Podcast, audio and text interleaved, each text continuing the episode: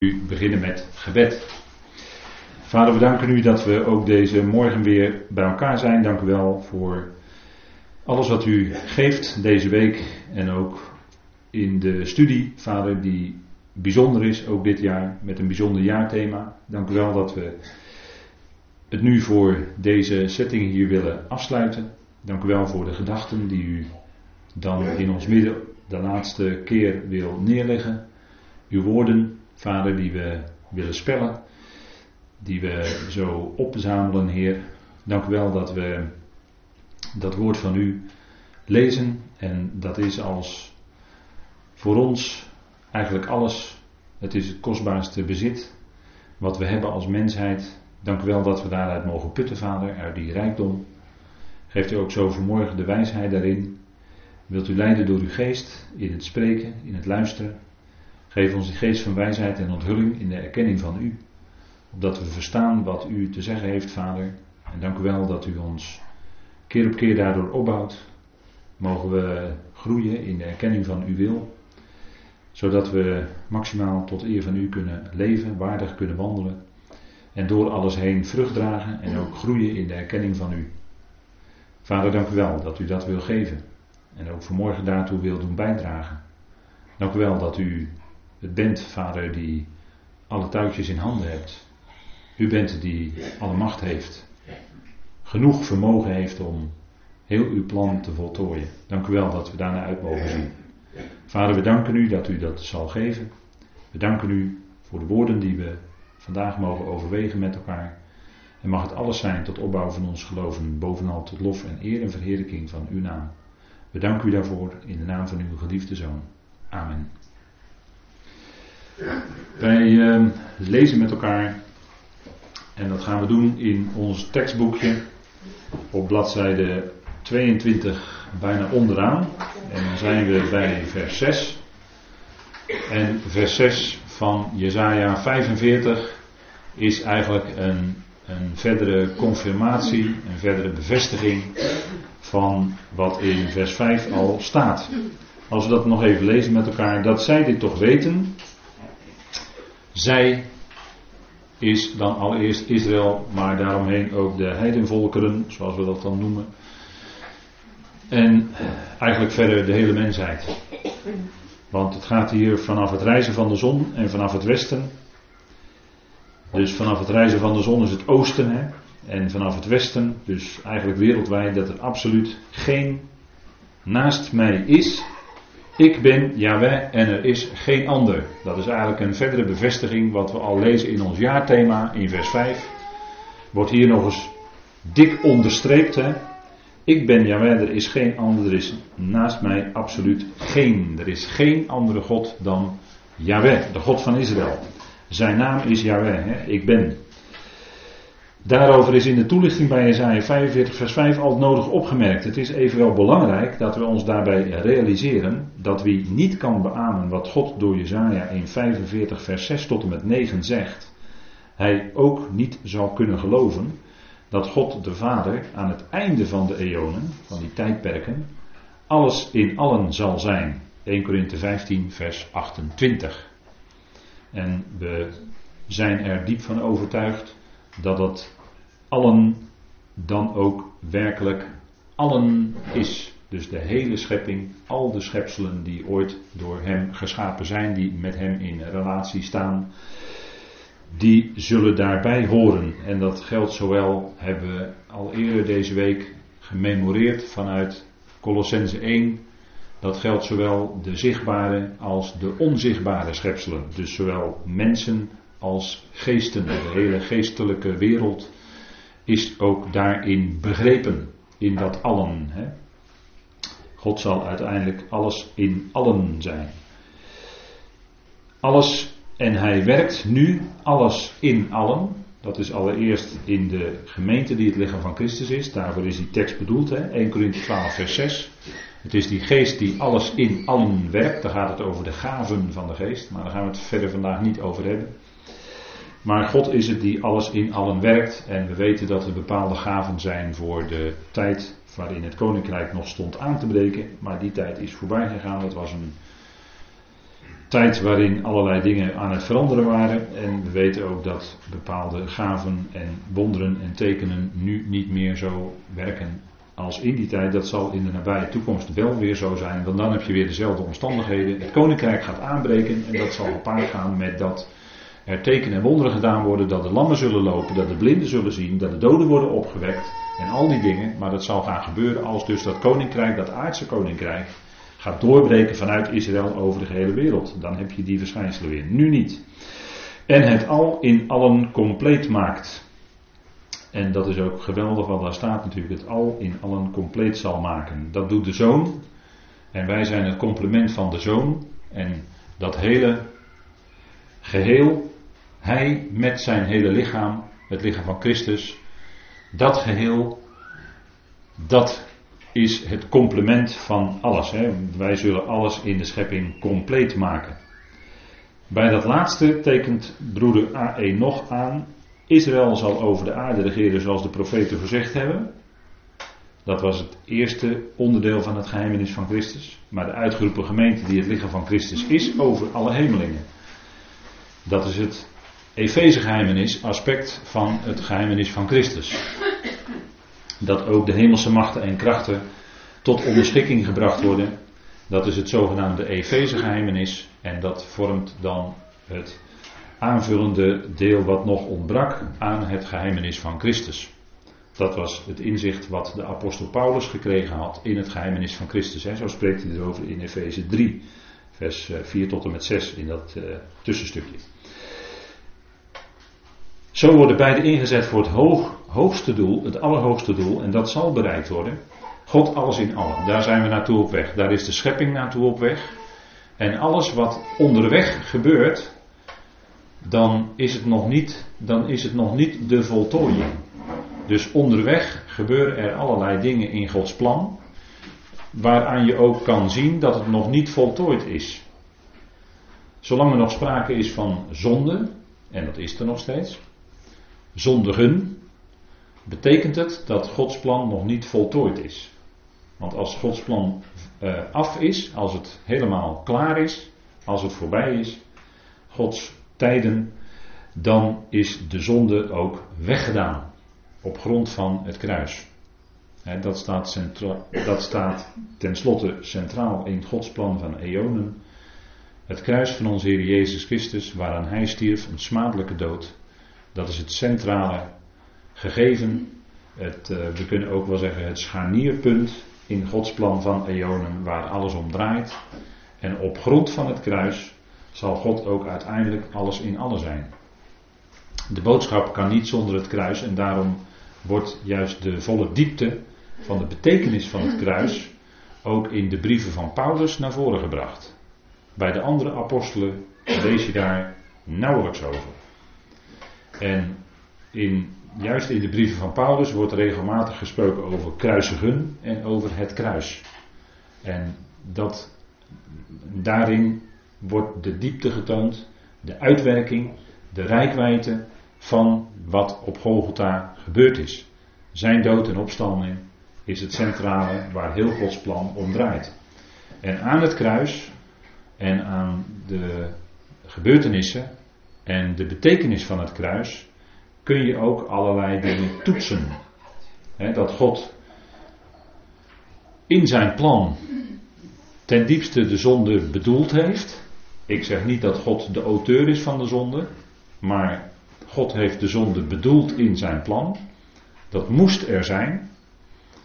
En die zonde die is door dat Christus aan het kruis als het grote zondoffer is gestorven, maar ook later weer is opgewekt als teken dat zijn werk volkomen was, dat door God volkomen is geaccepteerd, is aanvaard. Het volkomen heeft het zijn werking gehad die God ermee bedoelde. Daarom heeft hij zijn zoon uit de doden opgewekt. En daarom kan God ook uiteindelijk alles in alle worden, want de zonde zal eens uit het heelal worden weggedaan. Op basis van het kruis. Hè? Dat zegt Hebreeën. Hebreeën 9, vers 26.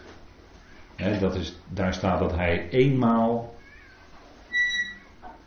eenmaal is Hij gekomen en is Hij zelf het offer geweest om uiteindelijk aan het einde de zonde ook weg te doen.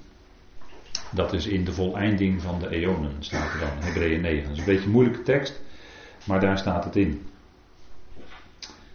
En dan zal ook de dood als laatste vijand buiten werking gesteld zijn. zegt Paulus ook allemaal in 1 Corinthië 15. Dan zal ook de dood buiten werking gesteld zijn. Dan zal er geen sprake meer kunnen zijn van een stervensproces, op welke manier dan ook. Want de dood zal als laatste vijand buiten werking gesteld worden, teniet gedaan worden. En dan zal God zijn plan tot voltooiing brengen. Maar zolang het nog niet zover is, is er nog sprake van zonde, zondigen. En ook van het kwaad. En dat is wat we ook vandaag in onze tekst aan de orde hebben. Dat is het zevende vers. Dit hebben we net met elkaar gelezen. Je zei 45 vers 6. Dat zij dit toch weten vanaf het reizen van de zon vanaf het westen. Dat er absoluut geen naast mij is. Ik ben Jahweh en er is geen ander. Hij is de enige God van Israël. Dat is de enige ware God. Hij is de God die alles tot volkomenheid brengt. Dan vers 7. Dat is toch een bijzondere uitspraak. Vormer van licht. Ik ben Jawel, er is geen ander. Vormer van licht en schepper van duisternis. Maker van goed en schepper van kwaad. Ik, Jawel, maak dit alles. Om dat nog eens te onderstrepen. Hè. Ik, Jawel, maak dit alles. Dit is een uitspraak die voor velen heel moeilijk is. En in de NBG-vertaling staat ook het woord onheil. Daar heeft men het woord kwaad eigenlijk wat weg willen poetsen door die vertaling. Maar er staat in het Hebreeuws, dat weet u, het woord ro, resh ayin. U ziet het ook in uw boekje afgedrukt staan. Daar staat ra. Resh ayin kan je ook uitspreken als ro. En dat is het Hebreeuwse woord voor kwaad. En daar willen we ook vanmorgen dan even wat verder naar kijken. De grondtekst. In veel gangbare Bijbelvertalingen staat heil tegenover onheil. Vrede tegenover kwaad. Of vrede tegenover onheil.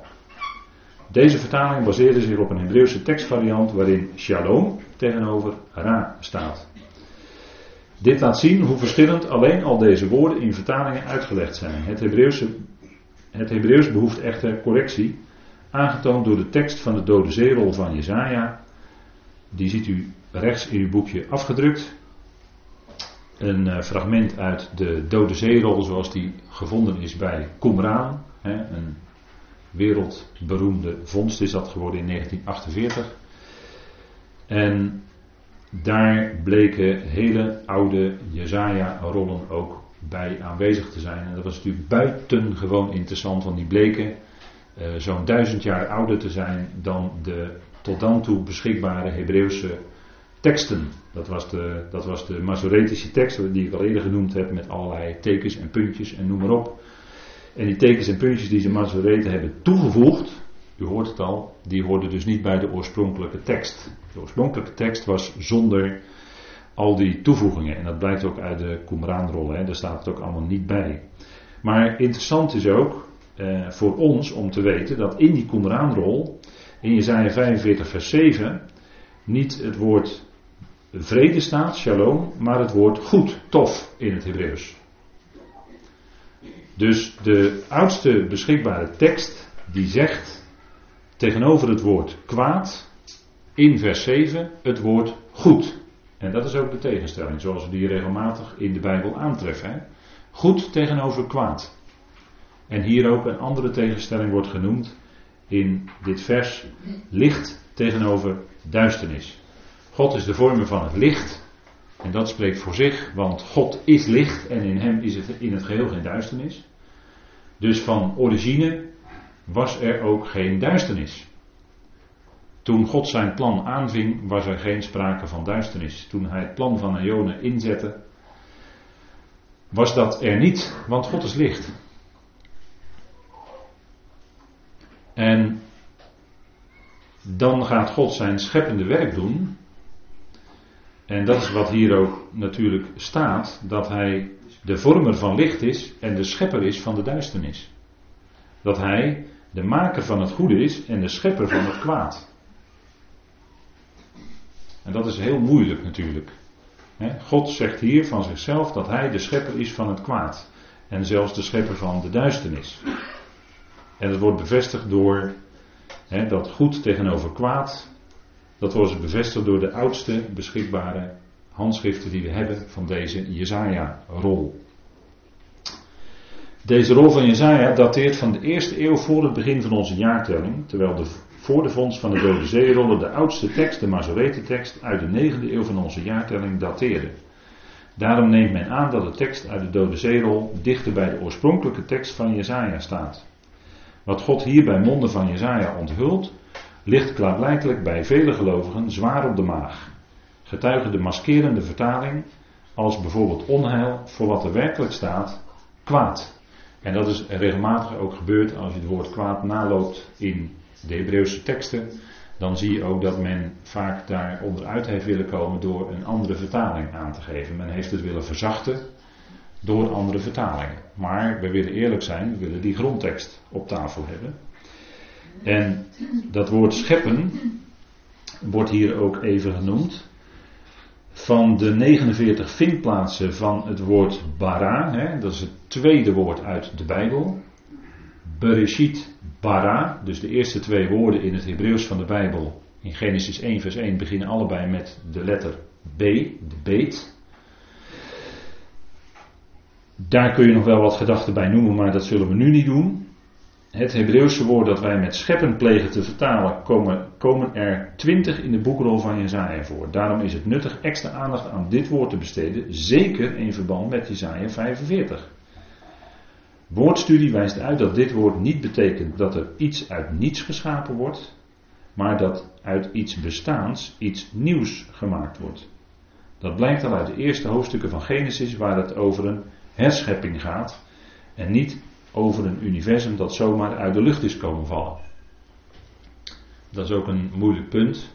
En soms denk ik, we zouden dus een bijbelstudie moeten gaan doen over Genesis. En dan gewoon de Genesis 1 vers 1 beginnen en dan gewoon vers voor vers behandelen. Dat zouden we eigenlijk eens moeten doen. Want dan zouden we wat meer kunnen vertellen over wat daar precies staat. Er is zoveel verwarring over. En mensen eh, ja, die, die koppelen daar allerlei gedachten aan of ontwikkelen daar allerlei gedachten uit, wat er misschien staat. Maar als je Genesis leest, dan is eigenlijk Genesis 1 vers 1 is de oorspronkelijke schepping. In het begin schiep God de hemelen en de aarde. Dus de beide hemelen en de aarde. En dan vers 2 is gelijk al een heel moeilijk punt.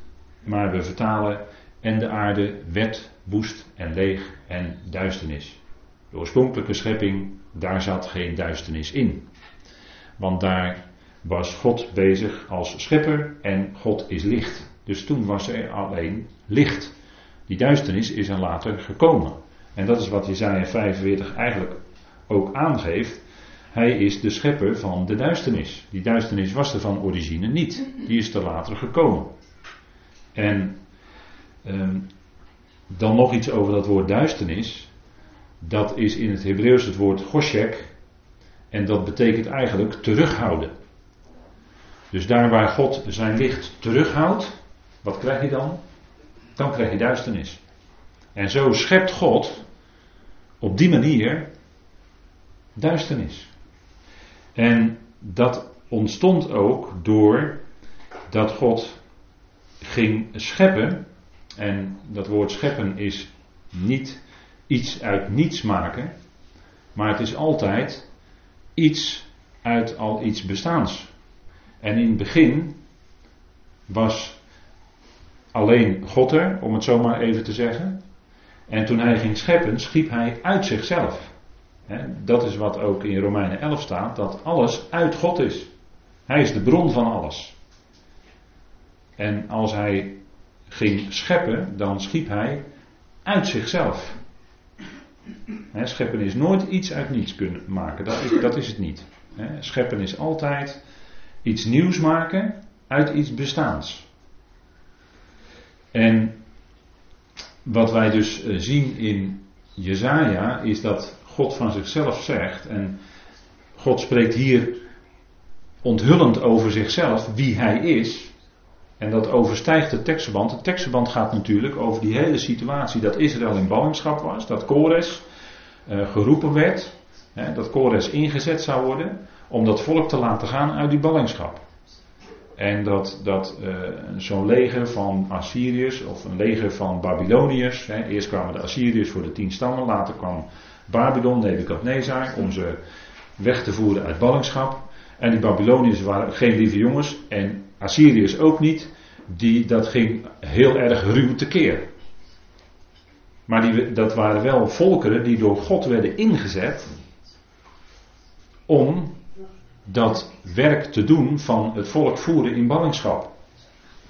En dat ging met, met veel geweld gepaard. Hè, met vormen van kwaad plegen, zeggen wij dan. Inderdaad. Maar die werden wel door God ingezet. Dat werd wel door God ingezet in zijn plan. En het punt is dat als je eh, niet weet hebt van waar God naartoe op weg is, dan kun je ook veel minder goed begrijpen het handelen van God tijdens zijn plan. het handelen van God moet je zien in het licht van het einddoel waar waar hij naartoe op weg is. De duisternis is niet eeuwig, maar die is tijdelijk. God zal straks alle duisternis wegdoen. Dan zal het alleen licht zijn. God zal al het kwaad wegdoen. Dan zal uiteindelijk het goede overblijven. En dan hebben de schepselen, en dat is het punt, dan hebben de schepselen de grote lessen geleerd. Het verschil tussen duisternis en licht, het verschil tussen kwaad en goed. Dat is de bedoeling waarom God het kwaad inzet in zijn plan. Want hij is de totaal machthebber. Hij is er verantwoordelijk voor uiteindelijk. Je kunt schepselen ten diepste niet verantwoordelijk stellen voor het kwaad en voor de duisternis. God is uiteindelijk degene die verantwoordelijk is. Nu gebruik ik heel bewust het woord verantwoordelijkheid. God staat garant voor de goede uitkomst van zijn plan. Daarom is hij ook verantwoordelijk, kunnen we hem ook verantwoordelijk stellen voor de middelen die hij inzet in zijn plan om tot dat einddoel te kunnen komen. De mens kan niet verantwoordelijk zijn. De mens, van de mens wordt gezegd dat hij wel te zijner tijd rekenschap zal afleggen. Maar dat is wat anders. Rekenschap afleggen is wat anders. Dan zit je een niveau lager dan het verantwoordelijk zijn. En dat is wat ook staat van ons als gemeenteleden. Een ieder zal rekenschap afleggen voor de Bema van God en Christus. Weten we uit de brieven van Paulus. En voor de gemeenteleden, die zullen nadat de bazuin geklonken heeft, het eerste moment zal dan zijn de Bema van God en Christus, waar zij bij of op gesteld worden. Hoe moet je het zeggen? Opdat ze daar ook rekenschap geven. Dat woord wordt gebruikt. Maar dat is wat anders dan verantwoordelijkheid. Dat is een veel hoger niveau. En dat ligt alleen bij God. God is alleen verantwoordelijk voor alles wat in zijn plan gebeurt. Omdat hij ook werkt naar dat einddoel toe. En hij zal dat einddoel ook bereiken.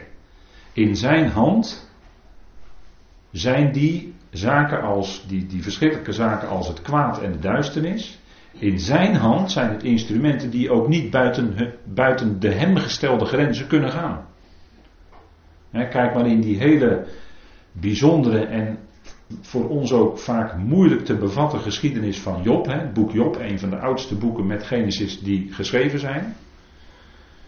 Maar dan zie je dat, dat zoals wij dat nu weten uit het boek Job, dan zie je dat de tegenwerker, de tegenstander, die notabene in een vergadering kwam bij de zonen van God, bij Yahweh, zo wordt dat beschreven, hij krijgt niet de kans om verder te gaan dan de grenzen die God hem gesteld heeft. Dan hebben we het over de tegenstander, hè? over de Satan, die niet verder kan gaan dan de grenzen die God, die Yahweh, hem stelt. Dus daar zit duidelijk een beperking aan. Hij kan niet buiten de grenzen komen. En dat is voor ons een, een geweldig weten. En dat is voor ons ook een geweldige zekerheid dat we ook weten dat God, die alles in handen heeft, En die in zijn liefde zijn plan uitwerkt. En uiteindelijk ook ieder tot het diepe besef, het diepe, diepe besef van zijn liefde zal brengen. En daar, daar, daar doe je als mens uh, je hele leven over om iets van die liefde van God te gaan beseffen. En, uh, en, en dat we dat ook daadwerkelijk kunnen uitleven naar die ander toe.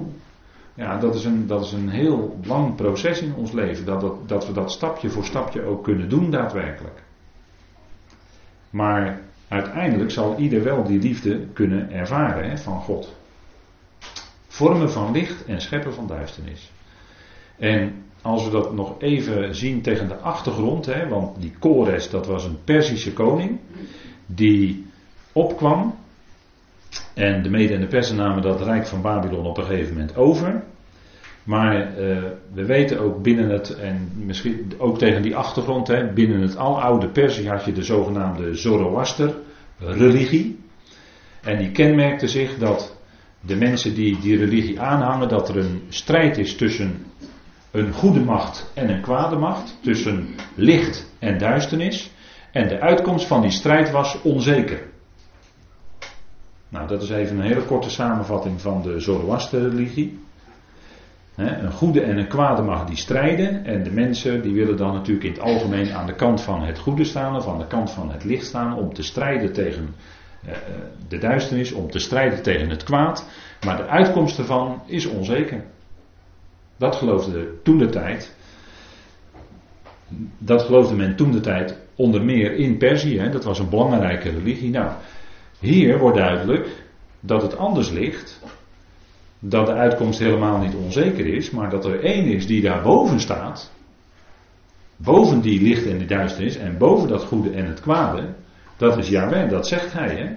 Ik, Yahweh, maak dit alles. En als hij dat kan maken, dan staat hij er ook boven. Hij benoemt dat ook hè, in begrippen.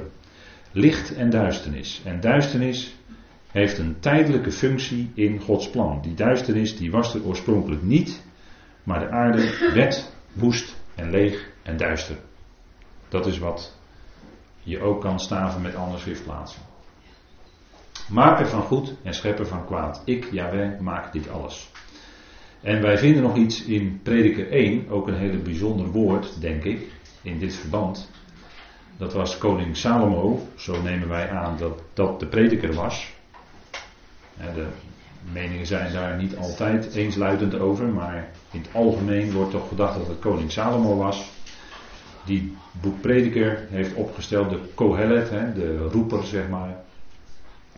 De roeper van Tenach. En dat is een boek wat ik altijd goed vind om te lezen. Omdat het zo scherp laat zien, zo scherp tekent hoe het bestaan is van de mensen. En als je daarover nadenkt, hè, ehm, en als je niet verder kijkt dan een bepaald niveau, om het zo maar te zeggen, tot een bepaalde rijkwijde, dan zul je met de prediker verzuchten dat alles eigenlijk zinloos is. Het ene geslacht gaat, of het ene geslacht komt, en het andere geslacht gaat. En dat zien we hier ook als we hier zo bezig zijn met elkaar. Dan zien we oudere mensen en we zien wat jongere mensen en we zien kleine kindertjes. En als je daar zo naar kijkt, dan denk je ook, ja, die prediker zag dat natuurlijk ook. Het ene geslacht komt en het andere gaat. De ouderen gaan op een gegeven moment en de jongeren komen. En dan is er weer een verandering. En dat blijft zomaar doorgaan. Hè? En de mens die leeft zoveel jaren, de mens is zoveel jaren met zijn dagelijkse bezigheden bezig, elke dag hetzelfde. En dan zegt de prediker, dat is een kwelling van mijn geest. Want het lijkt allemaal zo zinloos. Zoals de prediker ernaar kijkt, hè? zoals hij erover schrijft. Het lijkt allemaal zo zinloos. En um, in vers 13 van hoofdstuk 1 zegt hij toch iets bijzonders over zichzelf. En dat heb ik hier op deze dia even iets meer geprobeerd wat, wat naar de grondtekst weer te geven. Ik legde mij met mijn hart erop toe, zegt de prediker, met wijsheid te onderzoeken en na te speuren al wat onder de hemel gedaan wordt. Het is een ervaring van kwaad die God aan de zonen van Adam geeft om hen daarin te verootmoedigen. Dat is toch een bijzondere uitspraak, denk ik. En dat is wat je ook ziet gebeuren. Hè, dat bij mensen het soms eh, heel hoog gaat. Laat ik maar als voorbeeld nemen koning Nebukadnezar, heb ik al eerder genoemd hè, deze week. Koning Nebukadnezar, die heel veel bereikt had en die zo eens uh, rondliep in dat Babylon. Dat was natuurlijk een wereldstad van formaat. de hangende tuinen van Babylon zijn spreekwoordelijk geworden. Dat was een groot wereldrijk. En Nebukadnezar zei bij zichzelf: Is dit niet het grote Babylon wat ik gebouwd heb? ik gebouwd heb. En daarmee verhief hij zich. En in zijn, want hij, hij zei die uitspraak natuurlijk in een waan. Hè? Hij was toen in een waan. En dat woord waan, dat kennen wij in allerlei verbanden. Hè? Daar kunnen we wel nog wat andere woorden aan vastkoppelen. Maar hij was toen in een waan toen hij dat zei. Hij verhief zich. Alsof hij zelf. En hij besefte niet dat hij maar een sterveling was die maar even op deze aarde was. Enkele tientallen jaren. Maar hij verhief zich, is dit niet de grote Babylon wat ik gebouwd heb, Nebukadnezar? En wat was het gevolg? Hem overkwam een kwaad. En hij moest zeven tijden gras eten, Daniel 4, bij de dieren van het veld. En door die ervaring werd hij verootmoedigd. En daarin zien we de waarheid van de woorden van prediker hier. Door die ervaring werd hij verootmoedigd. En toen hij weer het verstand terugkreeg van Yahweh, van God, toen loofde hij de God van de hemel. Werkelijk. en dat staat in Daniel 4. Misschien kunnen we het heel even met elkaar opzoeken. We hebben dat in de besprekingen van boek Daniel wel besproken. Maar het is goed om dat nog eens te doen.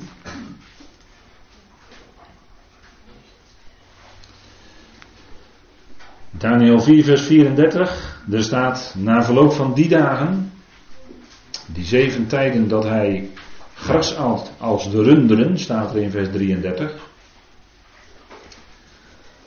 Wij zouden natuurlijk in onze dagen zeggen, hij is helemaal gek geworden, hij moet opgesloten worden. In vers 34 staat, na verloop van die dagen sloeg ik, Nebukadnezar, mijn ogen op naar de hemel, want mijn verstand kwam in mij terug en ik loofde de Allerhoogste en prees en verheerlijkte Hem die eeuwig leeft. Zijn heerschappij is immers een eeuwige heerschappij. En zijn koninkrijk is van generatie op generatie.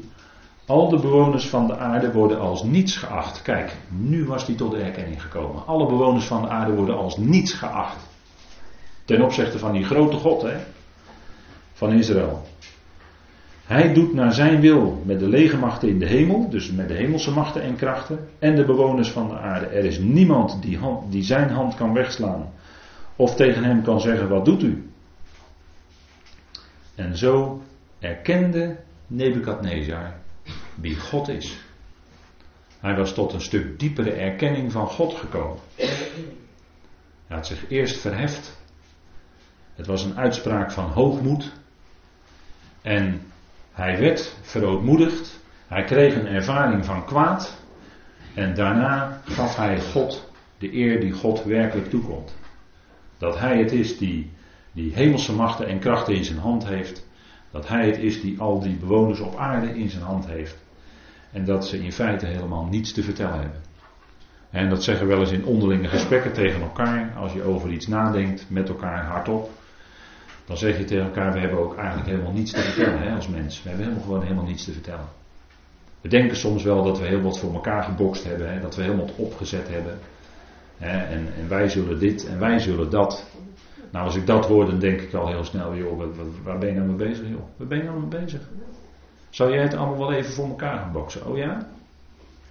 Reken je dan met degene die het werkelijk allemaal in handen heeft? Die werkelijk alle touwtjes in handen heeft? En die jou elke adem geeft die jij ademt in je leven. Besef je dat? Hè? Nou, als je dat beseft, dan uh, word je net zo klein als een Nebukadnezar, hè, die erkent de grootheid van God. En dat is wat je dus in mensenlevens ziet gebeuren.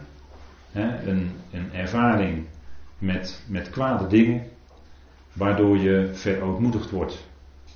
Waardoor God je verootmoedigt. En je die plaats inneemt die je als mens hebt in te nemen. God, heel groot, de Allerhoogste. En we mogen door het Evangelie weten, Hij is liefde. Dat is altijd de onderstroom van al zijn handelen wat Hij doet. Het is liefde. En dat kunnen we alleen maar aan het eind, als we terugkijken, constateren. Want wij hebben misschien allemaal vragen, ook bij deze dingen die we nu met elkaar bespreken.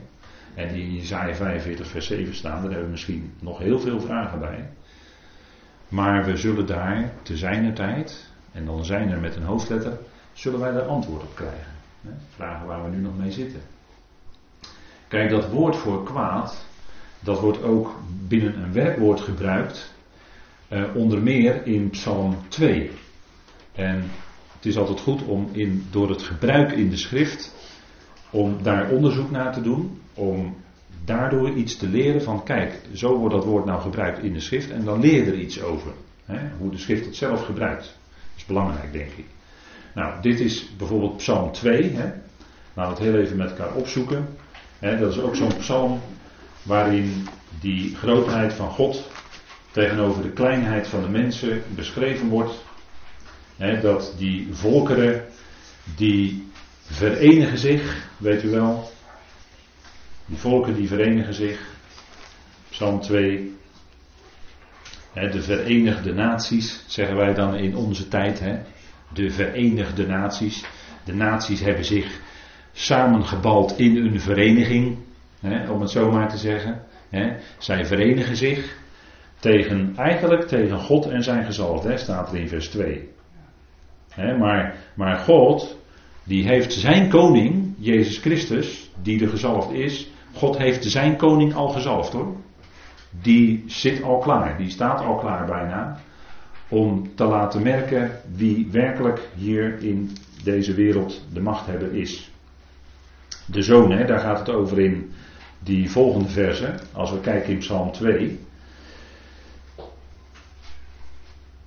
Vers 6, dat noemde ik net. Laten we even met elkaar lezen. Psalm 2, vers 6. Ik heb toch mijn koning gezalfd over Sion, mijn heilige berg.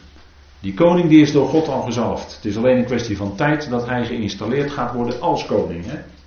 En nu nog kunnen de natie inderdaad zich verenigen. En dat zullen ze straks ook doen. Hè? Dan zullen ze uh, één uh, geest krijgen. Dan zullen ze zich ineens verenigen. En dan zal die wetteloze, die zullen ze dan alle macht geven. En dan zal onder die wetteloze die hele wereld zijn dat antichristelijke wereldrijk. Hè? Maar dat zal maar heel even zijn hoor. En dan hebben alle volkeren zich verzameld, zich verenigd tegen God en tegen zijn gezalfde. En dan zegt de tekst in vers 7, ik zal het besluit bekendmaken. De Heer heeft tegen mij gezegd, u bent mijn zoon, ik heb u heden verwekt. Eis van mij en ik zal de heidevolken als uw eigendom geven. Wie kan er eisen? Hij kan het dan eisen. Hij kan het dan van God vragen. Geef mij die heidevolken en dan zal hij ze ook krijgen. Eis van mij en ik zal de heidevolken als uw eigendom geven de einden der aarde als uw bezit. Dat zegt dan hier de vader tegen de zoon. Het gaat hier over de zoon. Die kan eisen bij de vader. En dan zal de vader het aan de zoon geven. Als hij dan al die koninkrijken in zijn bezit heeft, dan heeft hij ze van vader ontvangen. U zult hen verpletteren met een ijzeren scepter. U zult hen in stukken slaan als aardewerk. Dit is een zogenaamd parallelisme. Wat heel vaak voorkomt in de psalmen en in de spreuken in het Hebreeuws. Dat is een bepaalde stijlvorm. Waarin twee keer eigenlijk dezelfde dingen gezegd worden. Dus de ene regel legt de andere regel uit, zou je kunnen zeggen, in zekere zin. Daar heb je allerlei vormen van, maar goed. U zult hen verpletteren. En dat woord verpletteren, daarin staat dat woord kwaad. Dat is zeg maar de werkwoordsvorm van het woord kwaad. Kwaad doen. Dus die zoon, die zal, en ik heb het hier dan vertaald met, want zo kun je het woord ook vertalen, met hard slaan. Hè? Als je iets verplettert, dan sla je daar hard op. Als je die vervelende mug doodslaat, s'nachts om half drie, Als die je wakker heeft gemaakt, dan verpletter je die mug heel graag tegen het behang. Hè? En dan sla je er dus heel hard op. Nou, dat woord wordt hier gebruikt. U zult hen verpletteren met een ijzeren scepter. Dat is wat de zoon doet, hè, hier. Dat doet de zoon. Er wordt het woord kwaad ook gebruikt hè, in het werkwoord. nog met een extra ai erbij. Hè? Ra-a staat er dan. U zult hen verpletteren met een ijzeren scepter. En in de tweede regel staat dan: U zult hen in stukken slaan. Dat is een ander Hebreeuws woord. Maar het legt tegelijkertijd het woord verpletteren uit, zou je kunnen zeggen. Ze leggen elkaar wederzijds uit. Als aardewerk. Dus die natieën, die worden dan hier gezien als aardewerk. Als instrumenten. Pottenbakkerswerk. Zijn we toch weer bij die pottenbakker. Hè? En dat woord, potten, dat woord vormer staat ook in Jezaja 45 vers 7. Hij is de vormer, de yatsar, de pottenbakker. Zo maakt hij ook natieën als zijn instrumenten, als de grote pottenbakker. Want een volk kan alleen maar groot en sterk worden als Yahweh daartoe de mogelijkheden geeft, als hij daartoe het vermogen geeft. En we zien hier dus een uitwerking van, of een, een, een uh, gebruik van het woord wat wij nu met elkaar bekijken van het woord kwaad. Hè? Daadwerkelijk kwaad doen. Dat, dat wordt hier uitgelegd als een harde slag geven. En dat heeft zo zijn uitwerking natuurlijk. Scherven. Hè? De natie vallen dan uiteen in scherven zou je kunnen zeggen. Het wordt ook gebruikt in Daniel 2 vers 40. In een, uh, verwant, in een verwante taal. Het Aramees. Of de Engelsen zeggen dan het Galdees, wordt het ook wel eens genoemd. En dat wordt, daar wordt die grote profetie uh, aan Daniel bekendgemaakt in Daniel 2. En als u daar meer over te weten wil komen, dan kunt u daar ook de beschikbare studies over naluisteren. En het vierde koninkrijk, want er worden dan vier koninkrijken, dat zal het laatste koninkrijk zijn, wat ik net al noemde, het antichristelijke wereldrijk, het laatste wereldrijk. En het vierde koninkrijk zal sterk zijn als ijzer, want het ijzer verbrijzelt en vergrijst alles. Juist zoals het ijzer alles verplettert, zo verbrijzelt en verplettert dit alles. Dus dit vierde rijk zal zo sterk zijn en zo hard zijn dat het alle voorgaande zal verpletteren, zal verbrijzelen. Totdat die grote steen losgemaakt wordt en die gaat vanaf die berg rollen en die gaat dat laatste rijk wat uitgebeeld wordt in dat grote beeld, zal dat laatste rijk helemaal teniet doen. En die grote steen is dan natuurlijk de Heer zelf, hè? de Heer Jezus Christus. De steen. Zo wordt hij vaak genoemd. Maar dat woord verpletteren hier twee keer, dat heb ik cursief hier in de tekst gezet. Dat is datzelfde woord, eh, maar dan in Daniel 2. Dus dat woord waarin het woord kwaad zit. Dus er wordt een harde slag toegebracht door dat vierde rijk. En het verplettert dan al het andere. Al het andere wat zich maar eventueel zou willen verheffen tegen dat vierde rijk zal het kunnen verpletteren en verbrijzelen. Dat is het woord dat heeft met kwaad doen te maken. Hè? Kwaad, een slag die wordt toegebracht, zou je kunnen zeggen. Een harde slag.